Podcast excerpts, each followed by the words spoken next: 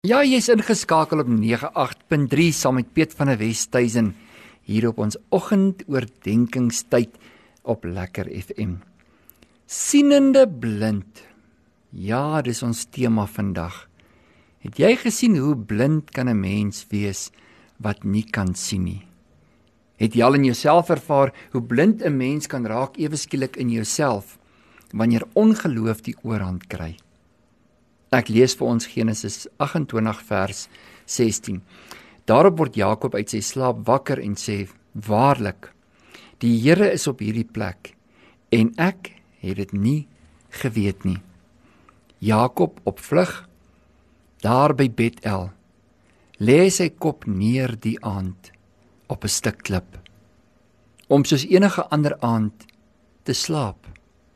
In sy hart is daar 'n warwoelinge van baie dinge wat in sy lewe besig is om plaas te vind.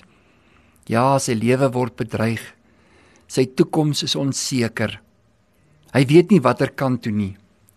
En dan besef hy dan besef hy hy sal moet oorgee. Hy besef dat hier is iemand wat besig is om met hom te praat. Daar in sy slaap, daardie nag, wys God vir hom daardie trappies die leer. En hy besef hoe daar tussen hemel en aarde die heeltyd interaksie is. En hy word bewus daardie oggend wakker van God. Ja, God is met hom. En hy maak die stelling hy sê die Here is in hierdie plek en ek het dit nie eens geweet nie. Hoe baie kere bevind ek en jy onsself op 'n plek en in omstandighede dan voel ons so God verlate, so alleen. Weet U van my Here? Weet U waartoe ek gaan? Weet U wat ek voel, dink, beleef? Weet U wat hulle doen, Here? Wat volgende? Ja, die gevoel van alleenheid, die onsekerheid, die vrees wat so maklik die oorhand kan kry. Maar daar openbaar God homself aan Jakob dat hy daardie oggend bewus word waarlik die Here was eintlik nog die heeltyd hier by my. Ek het dit nie geweet nie. Ek was so bewus van al die ander dinge hier om my dat ek nooit bewustheid gekweek het dat God met my is nie. Dat hy by my is nie. Dat dit hy is wat met my praat en met my werk nie. God is by jou of jy dit weet of nie weet nie, bewus is daarvan of nie. Dis waarom hy alom teenwoordig is. Hy is daar. Hy is die een wat brand in die bos. As jy maar net wil nader staan, dan sal jy ook ontmoeting met God kan hê.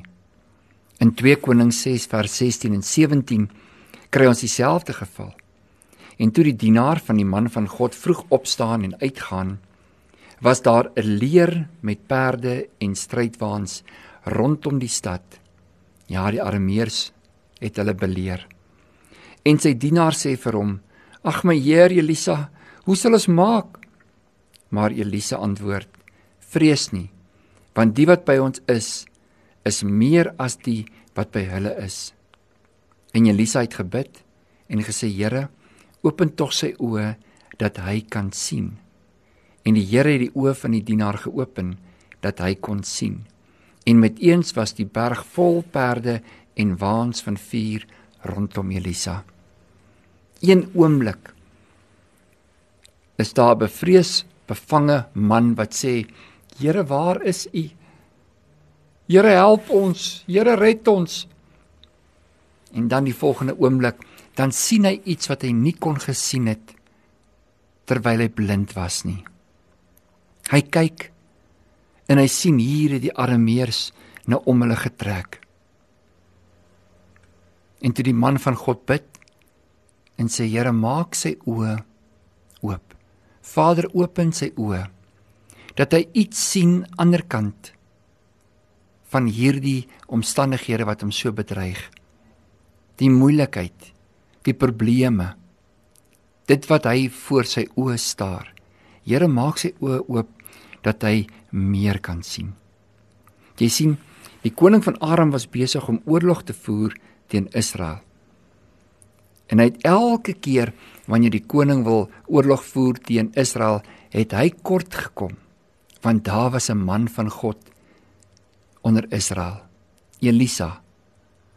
En hy het al die planne wat die koning gemaak het teen Israel, het God met hom gedeel en hy dit gaan openbaar maak by die koning van Israel tot so 'n mate dat geen een van die aanslae van die koning van Aram kon meer teen Israel standhou nie. Ja, sonsopkoms oor die uh oor die heuwels van Samaria was op daardie spesifieke oggend maar donker vir die dienaar van Elisa. Die gebergtes van Samaria, daardie lang heuwels met sy styl hange en sy lang plat kruin was deurtrek daardie oggend met die leer van die Arameërs. Die kruin het slegte nuus gebring. Hulle wou oorlog maak. En daardie oorlog kon hulle lewens gekos het op daardie spesifieke plek. Toe die koning van Aram agterkom dat hulle het 'n profeet onder Israel wat sy geheime uitlap, toe stuur hy daardie nag sy soldate en sê: "Gaan vang hierdie profeet." En dit is waarom die leer van Arameërs daardie oggend by Elisa se huis was. Dis Elia, die profeet van Israel. Hy weet alles. Hy kan selfs vir sy koning vertel wat hy in die slaapkamer sê, het die Arameërs vir hulle koning gesê. Nou gaan kyk waar hy is, het die koning gesê, sodat ons hom kan vang. Hulle het vir die koning laat weet dat Elisa in die dorp Dothan was. Dothan beteken twee putte. Twee putte. Die teenoorgesteldes. Jy sien daar in jou is daar ook 'n put. Daar in jou is daar die put van geloof en ongeloof. Geregtigheid en ongeregtigheid, die waarheid en die leuen, die liefde en die vrees. Uit watter put uit drink jy? Watter put maak jy gereeld vol? Geloof kom deur gehoor en gehoor deur die woord van die Here. As ek my geloof wil bou, sekerlik moet ek dan deur die woord leef wat deur God se mond uitgaan myself in herinnering daaraan bring. So nie raak ek blind. Ek raak blind vir waar God is. Ek raak blind vir wie God is. Ek kyk, maar ek sien hom nie. Ek voel, maar ek voel hom nie. Ek is sienende blind. Die geestelike riem en die geestelike wêreld hier om my is vol krag gelaai, vol bemoediging en versterking en 'n uitkoms maar ek is blind. Ek kan dit nie sien nie. Ek kan hom nie hoor nie. Ek loop nie op die pad wat hy vir my gegee het om te loop nie. Ek weet wat reg is, maar kies om dit te doen wat verkeerd is. Ja, die doodam in my. Dood dan in my daardie twee putte.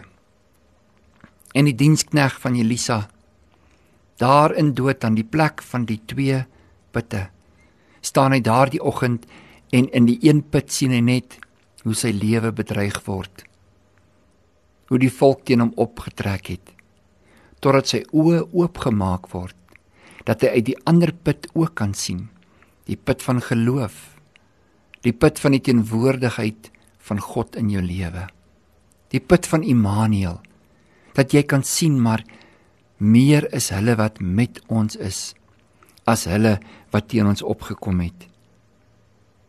En daardie spesifieke dag toe word daardie armeers ook dan blind en Elisa lei hulle uit tot in die midde van Samaria in die middel van die stad en hy gee hulle oor in die hand van die koning van Israel.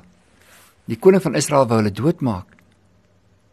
Maar die profeet sê vir hom: "Nee, hanteer hulle soos 'n kruisgevangene. Neem hulle, maak vir hulle kos en dan stuur jy hulle terug na hulle koning toe. En dit was ook die einde van die inval van die Arameërs by Israel. Daar het dit tot tot 'n stop, 'n einde gekom.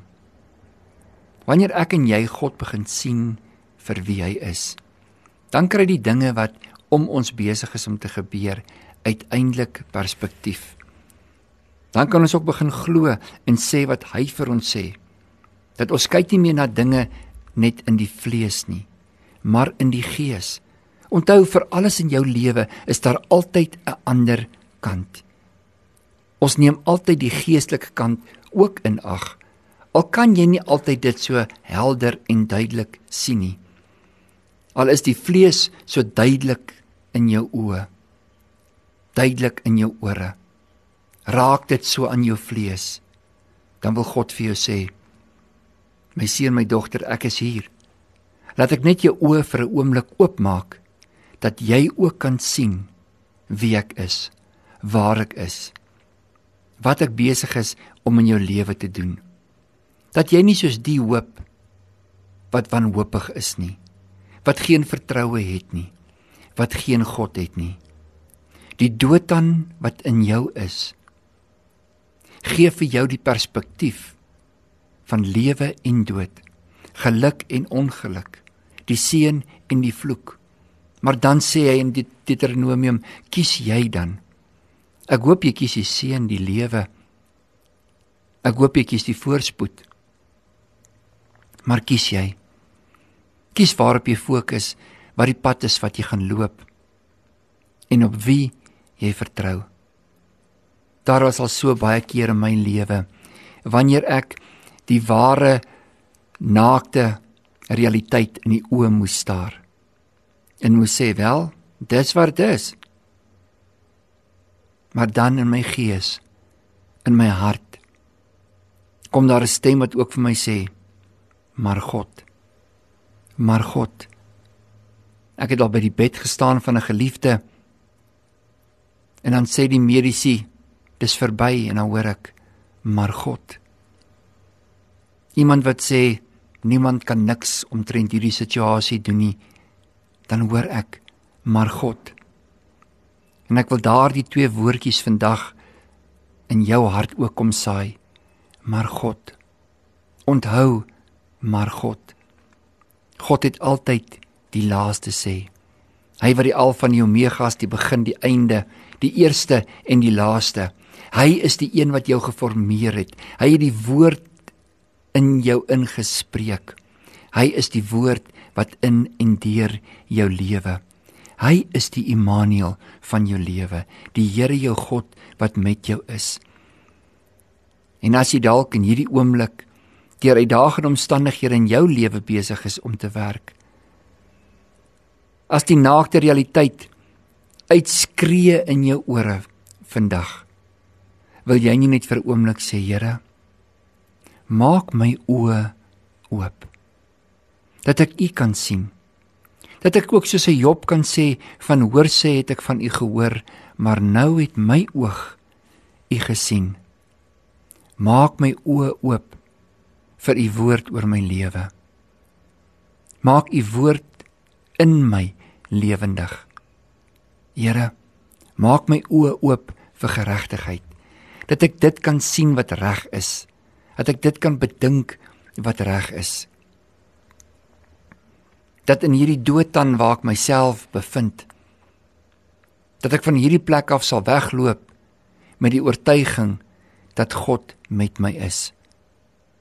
Dankie vir die oorwinning, dankie vir die deurbraak wat jy in hierdie dag gee. Dankie vir die genesing en die uitkoms wat jy in hierdie dag bring op hierdie dood dan van my.